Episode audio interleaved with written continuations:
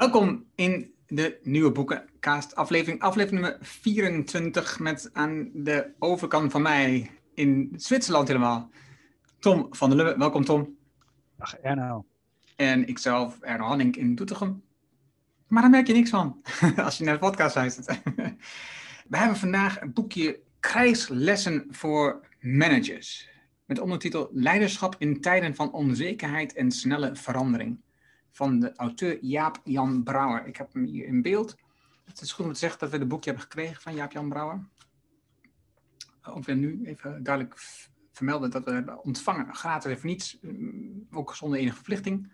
En wij hebben bedacht, laten we daar maar een boekenkast maken om te kijken of we daar iets in zou kunnen zeggen. En dit boek, ja, nee, ik ga niet zeggen wat jij ervan vond, wat jij er iets van gezegd had tegen mij. Wat ik er mee heb in het kort in ieder geval, is dat het, het, draait natuurlijk enorm over het leger en oorlogsvoering. En dat is nog niet een onderwerp waar ik echt iets mee heb. Sterker nog, daar heb ik eigenlijk uh, mee iets tegen. En dus dat maakt het soms ook wat lastig, voor, mij in ieder geval, om te lezen. Ik merk dat, dat ik daar wel wat moeite mee had af en toe. Maar, en tegelijkertijd laat hij ook veel historie zien. En dat maakt het weer erg interessant. Ik heb gewerkt in een aantal grote organisaties. En ik herken ook dingen van dit wat ik beter had kunnen doen in die situaties. Eh, dus dat is nou, een korte introductie. Wat, wat, wat was jouw korte uh, indruk van het boek? Nou, ik eerst even over het boek zelf. Jaap-Jan Brouwer ken ik. En ik heb ook voorgesteld dat boekje te bespreken. Dus, en dat was eigenlijk al daarvoor, omdat we natuurlijk vorige keer het boek hebben gedaan over Rijnlands. Ja, ik vind het een, van, ik vind het een fantastisch boek. Uh, en ik heb dus ook helemaal niks met het leger. Hè. Dus ik ben zelf niet in dienst geweest. Ik kom uit een familie waar men niet in het leger heeft gezeten. De heel klassiek Nederlands, hè, kooplieden. Laat anderen maar vechten. En onze eigen zonen die, uh, die studeren en leren talen en, en, en gaan naar het buitenland en zo toe. Dus ik, ik heb daar niks mee. Alleen, wat, waarom is dit boek zo interessant? Omdat het allerbelangrijkste bij lezen vind ik, als je een mening over iets hebt, en dan lees je een boek en dan is dat boek in staat je mening te veranderen. Dus, en dat hebben we best wel vaker. Dat kan bijvoorbeeld Thinking Fast and Slow zijn, of wat dan ook, waar je een bepaald inzicht krijgt, waarvan je denkt, hé, hey, zo heb ik er nog nooit tegen aangekeken. De kern, denk ik, is hier dat het idee wat we hebben van het Duitse leger, dan ga ik meteen naar de kern en dan kunnen we dadelijk dat uitdiepen, is dat we altijd dachten, bevel is beveel. Die domme Duitsers, die hebben, zijn allemaal als een idioot, hebben ze gewoon dat uitgevoerd wat, wat die generaal en eh, met zijn, met zijn staccato Duits uh, heeft geschreeuwd. Want dat, zo kennen wij het uit films. Nou, en toen kwam ik in, in contact dus met het werk van Jaap-Jan Brouwer. Ik heb onder andere ook het boek gelezen over de, over de Afrika-veldtocht met Rommel. En toen dacht ik van, hé, hey, ik heb het dus gewoon, en ik ben, en ik ben een historicus, dus dat is wat ik, nog, wat ik het nog het meest opvallende vond. Ik heb als historicus daar gewoon helemaal niks van begrepen, of in ieder geval een volledig verkeerde inschatting gehad of mening gehad over iets, wat, wat, wat achteraf gezien gewoon helemaal fout was. Nou, dat, en dat vind ik zo interessant aan dit, uh, aan dit thema en aan dit uh, boek. En dan duiken we nu wel de diepte in. Ja, ja, ik, had die opgeschreven ook. Hè. Dus beveel beveel, dat is wel een van de dingen die mij opviel, wat, eh, waar ik een verkeerde opvatting over had. Maar goed, uh, het boek is opgedeeld in tien hoofdstukken, dus ik ga niet al die hoofdstukken noemen. Maar het begint met het verschil tussen het Anglo-Saxische en het Europees leiderschap. Het is logisch, uh, het net al zei in het boek Nieuw Europees Organiseren, daar heeft hij ook aan meegewerkt, dus het is logisch dat hij ermee begint. En wordt dan gevolgd door een onderdeel over de historie tussen de verschillende oorlogen in Europa en waarom Duitsers uiteindelijk veel efficiënter waren in dit soort oorlogen. Nou, in ieder geval efficiënter werden.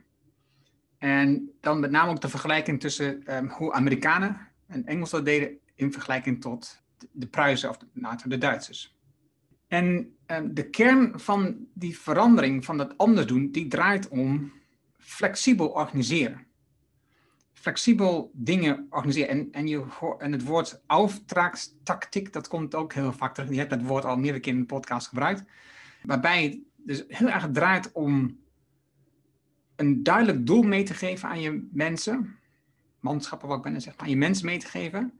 En de, hoe ze het precies doen, dat laat je aan de manschappen zelf over, aan de leiders die in het veld staan op dat moment om het goed te organiseren. Dus dat, dat is eigenlijk grof de kern van, van dit boek. Ehm, ik vond, eh, tot nu toe heb je elke keer een boek gehad waarbij gemakkelijk in blokken waren op te delen. Ik kon dat de blokken hier niet zo makkelijk uh, definiëren. Dus ik ga geen tien hoofdstukken zeg maar, hier nu aflezen.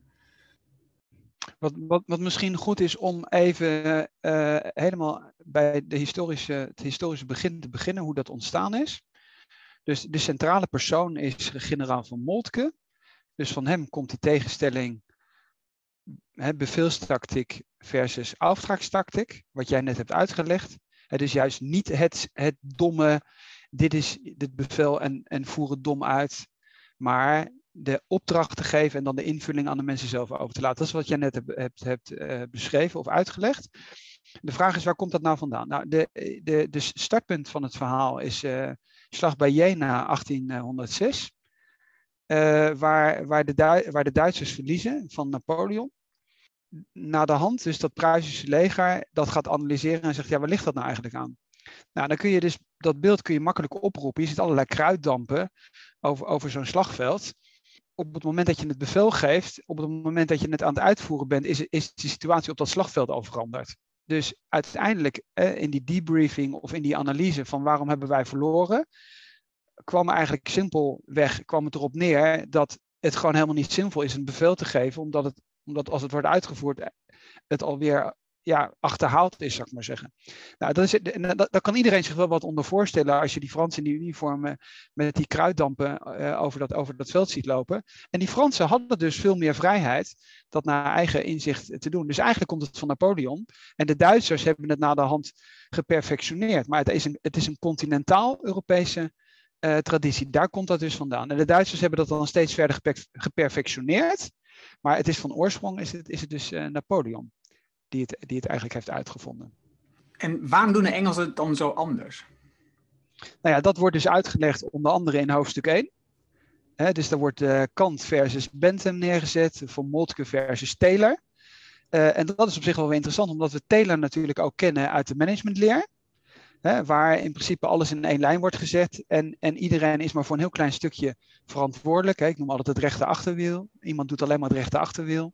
En voor de rest mag hij niks, niks doen en ook niet meedenken over hoe je andere dingen beter zou kunnen doen. En dat wordt eigenlijk filosofisch ook weer tegenover elkaar gesteld. Dus dat is voor mensen die bijvoorbeeld ook weer die filosofie interessant vinden. Nou, er is dan even, zijn vier bladzijden aange, aangeweid. En dan wordt dan uitgelegd ja, wat Kant eigenlijk anders maakt dan Bentham. Uh, voor de mensen die dat interessant vinden. Dus het is best wel heel erg, heel erg breed en tegelijkertijd eigenlijk ook heel erg diep. Uh, en in die verschillende hoofdstukken pak je er elke keer iets uit. Dus ik denk dat wat jij net al noemde heel belangrijk is. Bijvoorbeeld hoofdstuk 3. Wat is nou de kern eigenlijk van flexibel organiseren? Dat je het hoe scheidt van het wat. Je zegt het wat geef je mee als doel, maar de hoe of de invulling laat je aan de mensen over. En dan heb je natuurlijk meteen ook weer dat vakmanschap. Dus dat is dan zeer gekoppeld met hoe goed zijn je mensen opgeleid? Hoe goed zijn ze getraind? En als je mensen goed opgeleid zijn en goed getraind zijn, dan kun je de invulling, de manier waarop dingen worden, worden gedaan, ook aan je mensen overlaten, zou ik maar zeggen. Ja, en ik denk ook dat dat is ook een vergissing. Als zeker als je kijkt naar de Tweede Wereldoorlog, de opleiding van Duitsers, die was altijd heel intensief.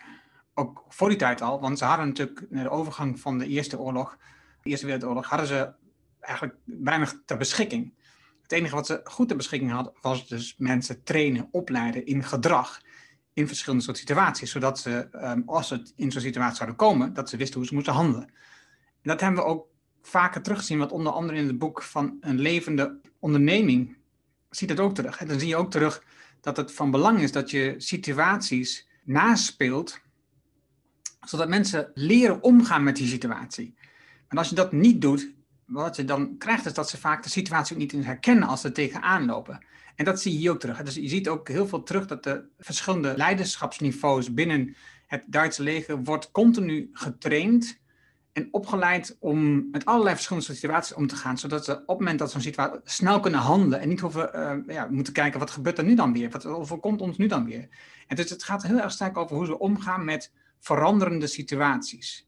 En ze leggen dan in een uh, laatste deel van dat, van dat hoofdstuk telkens uit hoe dit, zou, hoe dit vertaalt naar bedrijf. Hoe, wat dit betekent in je bedrijf met je managers, met leiders, met medewerkers. Ik heb daar best wel veel op onderstrepen in die, in die stukjes, wat dat dan betekent voor die, voor die bedrijven en zo. Dat is wel interessant.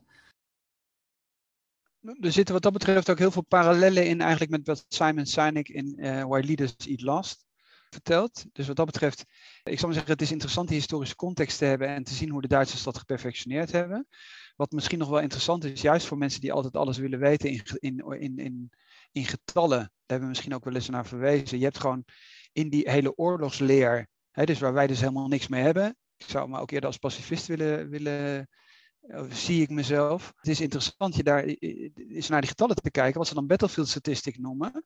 En dan te zien hoe, wat dat voor immense, immense verschillen zijn. Uh, en je dan gewoon de vraag even objectief te stellen, dus onafhankelijk van wie het nou toevallig is. Ja, waar ligt dat nou aan? Dat die ene organisatie, in dit geval het leger, zoveel verschrikkelijk veel efficiënter is dan de andere. En dat wordt eigenlijk uitgelegd. En wat, ik, wat wel interessant is, omdat je dus ook die koppeling hebt bij, bij, bij Simon Sinek, is dat is misschien nog wel een, interessant Duits begrip, innere Führung. Uh, vind ik heel interessant. Dus als je daar eens over nadenkt, ja, wat betekent dat nou eigenlijk? Dat betekent dat de, je zou het ook al een cultural fit kunnen noemen, of de opvatting over je normen en waarden, of de manier waarop je moet handelen, dat dat zo verinnerlijkt wordt, dat je eigenlijk, eigenlijk ervan uit kunt gaan dat de mensen zo goed opgeleid zijn, maar ook op zo'n hoog abstractieniveau, dat je ervan uit kunt gaan dat een individu zichzelf kan leiden. Dat is eigenlijk wat, wat innere Führung betekent. Dus de mensen worden zo goed opgeleid dat ze zelf zich kunnen, dat ze aan zichzelf leiding kunnen geven. En dat is natuurlijk in principe weer zelforganisatie. Dus daar zitten heel veel parallellen zitten erin. En legers zijn natuurlijk interessant omdat het hele grote organisaties zijn waar het om heel veel mensen gaat. En wat altijd onder tijdsdruk en onder stress en onder, enorm, eh, ja, onder extreme onder extreme omstandigheden moeten opereren. He, dus wat Simon eigenlijk ook beschrijft. En dat maakt het uh, zo fascinerend, uh, die, die, uh, die elementen te nemen. Maar dat geldt bijvoorbeeld ook voor de eisen aan leiderschap. Dus die, die enorme voorbeeldfunctie die je hebt, wat ook Simon Sinek uit, uitlegt, dat de acceptatie van mensen op de werkvloer, of door de mensen op de werkvloer, hoog is als je zelf het goede voorbeeld geeft.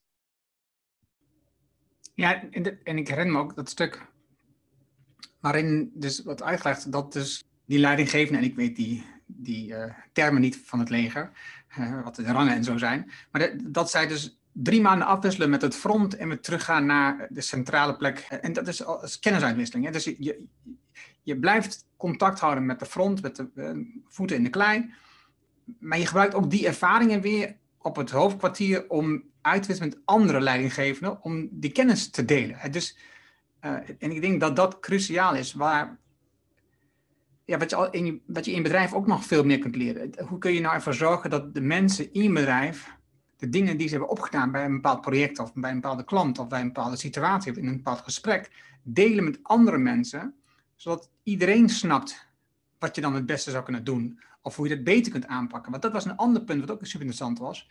Waar die Duitsers heel goed in zijn. Of in ieder geval in die situaties heel goed in waren. Is de situaties analyseren. Dus als er een slag was geweest of een, een bepaald traject was geweest. Dan gingen ze het of het nou goed was of, of, slecht was verlopen. Ze gingen het analyseren. Ze gingen kijken wat is er precies gebeurd. En wat kunnen we verbeteren? Zodat je altijd weer leert, continu leert van de situatie. En ik denk dat dat dat is wat ik net bedoelde, is dus dat je kijkt met elkaar, als je erover praat, de dingen analyseert, kun je ook dus nadenken, oké, hoe kunnen we de volgende keer dan anders doen? Wat kunnen we nog beter doen? Hoe kunnen we het nog meer aanscherpen? Hoe kunnen we ons gedrag hierin verbeteren? Ja, ja wie zou het niet moeten? Dat, dat, ik denk dat iedereen het gewoon kan toepassen. Ja, maar je ziet het natuurlijk, wat dat betreft hebben we natuurlijk ook veel boeken gehad waar dat soort voorbeelden in zitten. Dus bijvoorbeeld, ik zou zeggen, een CEO van een technisch bedrijf, die als een machine kapot is, zelf naar die machine toe loopt en, en laat zien hoe je dat ding repareert. Nou, dat is natuurlijk een hele sterke Duitse traditie. Dat zullen we waarschijnlijk volgende week in het boek Hidden Champions ook zien. Dat natuurlijk, als jij een technisch bedrijf leidt, maar neem een heel ander voorbeeld. Als jij een softwarebedrijf leidt en jij bent zelf programmeur of je hebt vroeger geprogrammeerd en je kunt code kun jij daar heb je verstand van, dan is dat iets anders dan in de, in de financiële sector. Leiding geven aan een bank en nog nooit een klant en je hebt nog nooit een klant geadviseerd. Maar dat is in de financiële sector, is dat waarschijnlijk eerder de regel dan de uitzondering. In, in moderne, ik zal maar zeggen, softwareondernemingen of skill-ups is het waarschijnlijk zo dat de mensen die daar leiding aan geven wel verstand hebben van programmeren. Dus wat dat betreft, juist om ook een beetje weg te gaan van het leger, verander leger in softwareonderneming of technisch bedrijf of wat dan ook. En dan is elke keer de vraag, heeft diegene die daar leiding aan geeft een bepaalde natuurlijke acceptatie, omdat iemand in het verleden dat ook gedaan heeft of daar nog steeds, als iemand dat bekijkt, ook verstand van heeft. Wij zijn wat dat betreft ook een goed voorbeeld. Hè? Dus vier co-founders zijn allemaal adviseur geweest, drie adviseren er nog steeds. Nou, dan betekent het wel dat de mensen in ieder geval weten waar ze het, uh, waar ze het over hebben. Ja. Ik heb nog een puntje in hoofdstuk 7. En ik weet niet helemaal zeker, want dat, in hoofdstuk 7 heeft hij het dus over dat je eigenlijk hele kleine teams bouwt. En die kun je, als eh, Peter beschrijft, als een soort Lego-stenen met elkaar kunt verbinden. En zodat je snel kunt opschalen en afschalen. Afhankelijk van eh, wat, het probleem wat zich voordoet. Wat ik mis, dat is meer een vraag aan jou, of dat, of dat klopt, is. Ik dacht namelijk op dat moment ook aan de Romeinen. Ik dacht al zelf altijd al dat het in het Romeinse leger ook heel gebruikelijk was. Dat je kleine units hadden die snel konden opschakelen, bij elkaar konden instromen. Ehm, ook uh, leiding geven in zo'n Romeins team, wat um, die onderdeel was van het legioen. Die, die woorden ken ik net toevallig wel. en voor mij was het een van de belangrijkste krachten van het Romeinse Rijk om snel uit te breiden door legers met allerlei verschillende mensen en geledingen en rangen en standen met elkaar te laten samenwerken. En, en als één geheel gebieden op te pakken en te veroveren. Ja, ik, ben, uh, ik ben natuurlijk ook geen, uh, geen militaire historicus. Alleen ik weet wel dat, dat die eenheden van het Romeinse leger, omdat het in het kader van die zelforganisatie, ik dat een keer ergens heb gelezen, dat dat ook dat rolerende principe heeft en dat die allemaal in één tentje slapen. Ik kan dat, ik kan dat niet beantwoorden. Okay. Het zou best goed kunnen dat dat dingen zijn. Maar daarom noemde ik ook al even de Fransen hè, en Napoleon. Juist om te vermijden dat het dan is van ja, nee, maar die Duitsers doen dat allemaal veel beter. Nee, het is gewoon, het is een bepaalde logica. En het is natuurlijk logisch, bijvoorbeeld hier, dat die aanwezigheid aan het front, dat is hier hoofdstukje 5.3, dus dat eisen aan het leiderschap, dat is precies wat Simon Sinek ook beschrijft. En, waarom was Rommel zo populair? Omdat hij, omdat hij niet bang was en permanent zelf in de voorste linie erbij was. Dus niet heel erg ver van het front was en zei van hé, hey, lopen jullie maar risico dat je, uh, dat je het niet overleeft. Nee, juist daar wil de voorste linie er, erbij zijn. Dat is natuurlijk voor het moreel van de troepen uh, enorm, enorm belangrijk. Dus het is niet alleen dat vak, dat vakinhoudelijk, die vakinhoudelijke kennis, dat je weet waar je het over hebt. En die afwisseling, generaalstaap is overigens die terminologie van die, uh, van die drie maanden weer naar het front en dan weer drie maanden terug, waar, waar in het boek beschreven wordt. Ik heb daar dus ook geen verstand van. Dat die vorm of, of die organisatie vorm er in andere legers helemaal niet was. Uh, wat ook interessant is, hè, want als je het over allerlei, voor de rest managementpyramides hebt, dan is eigenlijk over de hele wereld dat overal hetzelfde, zou ik maar zeggen. Uh, en dan is daar, daar blijkbaar ineens een heel groot uh, organisatieverschil. Maar dat is natuurlijk wat veel uitmaakt. Of jij dan ook het risico, bereid bent het risico te lopen. En dat heeft natuurlijk echt met, ja, met voorbeeldfunctie te maken.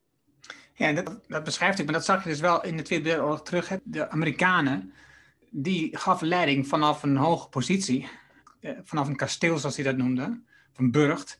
En dus, ja, die waren niet aan het front, hè. Die, die stuurden op afstand het geheel aan.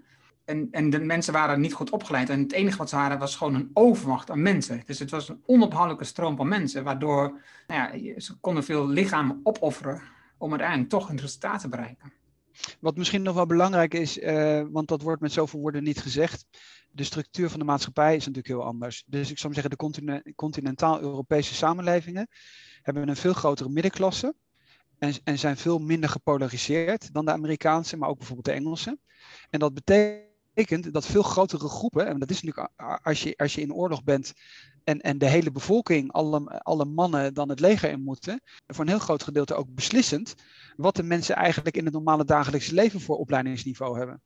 En als natuurlijk een samenleving een veel grotere middenklasse heeft en een veel hoger opleidingsniveau, en dat betekent niet dat, dat de mensen gestudeerd hebben, maar dat ze bijvoorbeeld bepaalde technische, goede vakinhoudelijke opleiding hebben, dan is dat natuurlijk een ander niveau dan, dan je in het Amerikaanse leger uh, hebt en had, waar het, het leger vaak een soort uh, ja, uh, opvang mogelijkheid is voor mensen die voor de rest naar, uh, naar, naar verhouding weinig kansen hebben.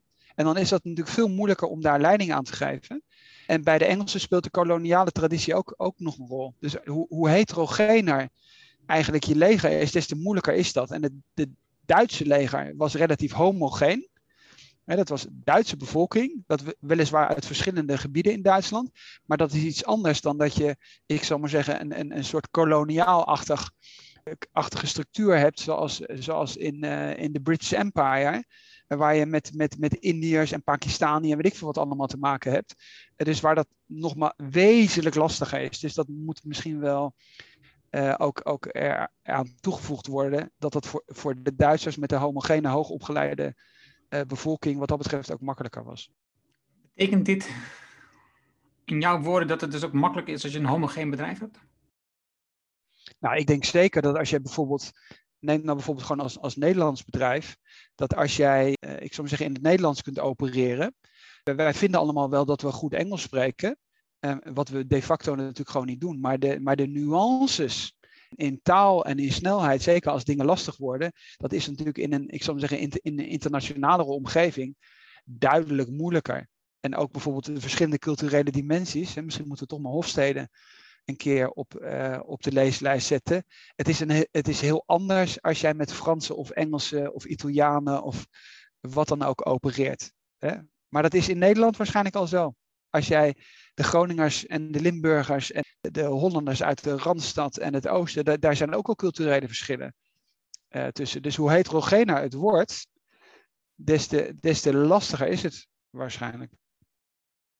Ja, dat is, dat is natuurlijk in Duitsland precies zo. Daar heb je natuurlijk ook gebieden die enorm verschillen tussen Tuurlijk. Uh, Noord-Rijn-Westfalen en Bayerische omgeving. Klopt. Overigens, dat zag je natuurlijk in het leger ook wel terug. En, en de fanatisme van die verschillende gebieden was aanzienlijk. Uh, ja.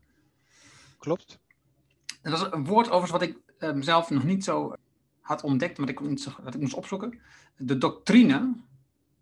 En dat is een, een boekwerk, een verzameling van leerstellingen.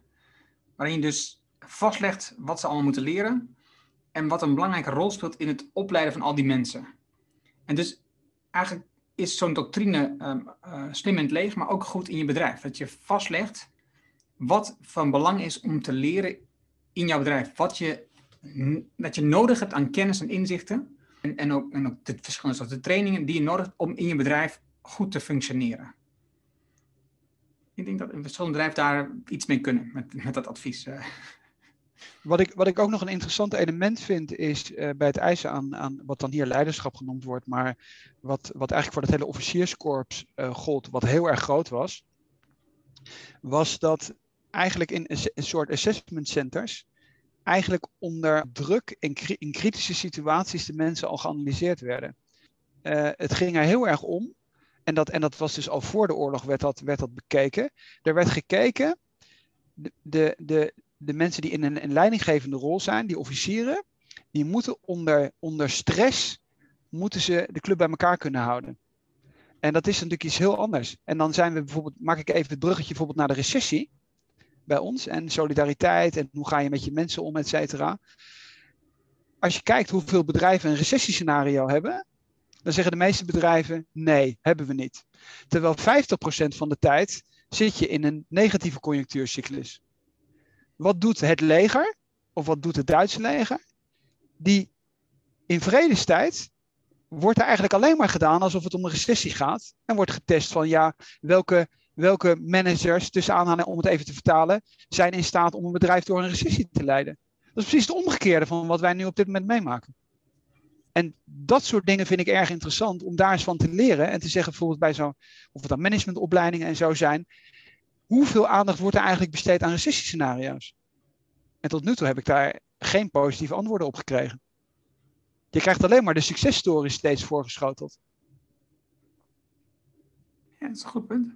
Ik uh, herinner me het hoofdstuk ook wat je, wat je vertelt. En met het boek De Levende Onderneming uh, komt dat ook terug. Stresssituaties nabootsen om te kijken bij hele onverwachte situaties. Een overstroming, een bedrijfband af. Noem maar allemaal situaties op. Die ga, je, die ga je simuleren om te ontdekken, kan je dit soort dingen aan en hoe moet je ermee omgaan? En, en, en zo kun je dus ook je leiders in je team, wat je nu natuurlijk veel ziet gebeuren in bedrijven, zeker als je in de anglo-saxische, en we, we, hangen het Nederland nogal aan, is dat je uitgaat van de opleiding die iemand genoten heeft. Je gaat voor de rest niet uit van zijn, van zijn eigenschappen of uh, zijn talent of wat dan ook. Nee, je kijkt naar wat voor opleiding. Dat is, dat, is, dat is het belangrijkste waar mensen op geselecteerd worden. En het grappige is natuurlijk dat eigenlijk um, zegt een opleiding helemaal niks hoe mensen reageren in bepaalde situaties, hoe ze omgaan met bepaalde situaties. Terwijl een veranderende omgeving, dat treedt continu op in de werkelijkheid. dus wat in de anglo-saxische omgeving heel normaal is, dat we uitgaan, uh, we zijn vandaag en we verwachten dat dit, en als je kijkt naar uh, een week geleden, als je dat doortrekt, dat dat gewoon altijd zo door blijft gaan. Dus dat is een stabiele omgeving, er verandert niks. Dat is het uitgangspunt. Dat, dat wil ik onder controle. We willen alles aan doen om dat in te kaderen, vast te houden, dat we dit kunnen realiseren. Terwijl dat is, het is niet de realiteit. De realiteit is dat er continu dingen gebeuren die we niet verwachten. En het gaat er dus om, de bedrijven die daarin succesvol zijn, of legers, die weten het beste met de situatie om te gaan. Die weten hoe ze moeten handelen. Ik heb ook gezien aan verschillende ondernemers waar ik gesproken heb de afgelopen anderhalf jaar goed, af, afgelopen jaar is misschien iets, iets nauwkeuriger. Je ziet precies die mensen wie in actie zijn gekomen vanaf het begin. Die hebben gezegd, oké, oké, dit is de situatie. Wat kan ik nu doen om dit te veranderen? En dat zeggen ze ook. Hè. Ze zeggen, je moet snel reageren op dit soort situaties, maar je moet wel even blijven nadenken. Dus, dus hou wel ruimte om na te denken over, wat doe ik nu? Maar reageer snel op de veranderende situatie. Ga niet zitten wachten, want dat is altijd slecht voor je. Ik denk dat het, uh, wat jij net schetst, is een goed idee om na te denken over hoe kun je in een opleiding of in een training, of wat voor situatie ook, veel meer aandacht schenken aan je leidinggevende in je bedrijf, om juist met die negatieve scenario's om te gaan. Nou, je ziet het natuurlijk op een hele hoop andere vlakken ook. Hè? Dus uh, je hebt we hebben het al eens over stoïcisme gehad. Of uh, neem bijvoorbeeld de Alain de Botton, waarom het goed is pessimist te zijn. Dat is, dus juist weer het omgekeerde. Dus wij leven in een, in, een, in een tijdperk waar alles aan de positieve kant zich afspeelt. Hè? Forever young, altijd positief, altijd hoogconjunctuur, geen liquiditeitsproblemen. Het maakt niet uit welke, welk gedeelte uh, je, je neemt, altijd verliefd. Al, alleen maar altijd positieve kant. Terwijl nou juist de helft van het leven de negatieve kant is. Bij bedrijven is het een recessie, uh, waar je fatsoenlijke liquiditeitsbuffers moet hebben. Kijk naar het hele ellende met corona. We hebben helemaal geen reservecapaciteiten. Neem het thema met de zorg waar overigens de, de auteur uh, als, als adviseur actief is. Geen reservecapaciteiten. Quasi-efficiënt, maar niet effectief. Het verschil tussen efficiënt en effectief. Dus er zit, het is wat dat betreft heel complex. En daar is duidelijk naar te kijken. En dan te zeggen van, hé, hey, als ik met een, met een negatief scenario kom, ben ik dan de spelbederver? Of ben ik nou juist degene die doordat hij voldoende liquiditeitsreserves heeft, eigenlijk een veel betere manager of eigenaar of bestuurder of hoe je het wilt noemen is en in staat is een bedrijf door zo'n recessie te leiden. En daar is verdomd weinig aandacht voor. In al die scalingprogramma's niet. Het gaat alleen maar altijd over Silicon Valley en allerlei fantastische stories en wat de waardering van je bedrijf is, et cetera. Maar wat zijn nou de lessons learned? Wat heeft iemand fout gedaan? Wat kunnen we daarvan leren? Uh, daar is verdomd weinig aandacht voor dat is nou juist wel als puntje bij paaltje komt wat je nodig hebt. Hè? Ik bedoel, als, als het weer goed is, kan iedereen zeilen. Als de storm komt opzetten, dan is de vraag wie nog kan zeilen. En ik ben overigens geen zeiler. ik ook niet. In het laatste hoofdstuk uh, veroordeelt uh, Peters nog even um, alle moderne organisatiestructuren die op dit moment uh, een hype zijn, zoals Scrum, Squash en Agile. dat, dat hij zegt, nee, dat zijn gewoon pleisters op de wonden van het omslachtige Anglo-Amerikaanse manier van organiseren. En je ziet het dat het, ik zie in ieder geval dat bij verschillende bedrijven in Nederland wordt geïmplementeerd. Als zijnde de oplossing om weer flexibel te worden, om uh, stroming in het bedrijf te komen, nieuwe initiatieven te krijgen. Terwijl als je gewoon kijkt naar het Europese model, dan hoef je helemaal niet veel op te Dan weet je al dat het goed functioneert als je de mensen goed hebt opgeleid. Uh, je hebt vakmensen in huis je weet goed de richting waar je naartoe gaat, dan kun je ze de vrijheid geven om dicht met de klant samen nieuwe ideeën te bedenken. En dan hoef je niet, hoef je niet in te vullen precies uh, wat en hoe ze dingen moeten doen. Dus uh, ik, het was eigenlijk één zin waarin die heel snel um, zei, nou die systemen, dit is allemaal onzin. Dat is uh, gewoon een pleister de wonden van een systeem wat toch al niet werkt. Dus waarom maak je druk over? Ik vond, ik hem apart. wat misschien nog wel interessant is, is om een keer ook um, misschien iets van een, Chinese. Uh, daar heb je natuurlijk ook heel veel van die, van die leiderschapsboeken over oude Chinese filosofen of uh, legerspecialisten. Uh, zou misschien nog wel interessant zijn. Ik kan me best voorstellen dat daar veel parallellen ook weer in zitten. In dat laatste hoofdstuk noemt hij ook nog uh, even in het kort de leerpunten. En dus eigenlijk, als je, als je de kern van het boek wil weten, dan is dat, dan is dat het boek wat je, het laatste hoofdstuk wat je wil lezen. Welke bladzijde? Vanaf 140. Hoe pak je het zelf aan? Dus dat is, dat is de kern van het boek met alle leerpunten opgezomd. En het, het gaat over hoe doet het in de organisatie, hoe is de strategie, hoe is het personeel, hoe doe je het leiding geven. En daar heeft hij, een modelletje van gemaakt, waarbij het in het centrum van het model staat het DNA van het bedrijf. Dus dat is de kernwaarden van je bedrijf. Daaromheen zit dan de visie en de missie, dus dat is de richting waar je op gaat.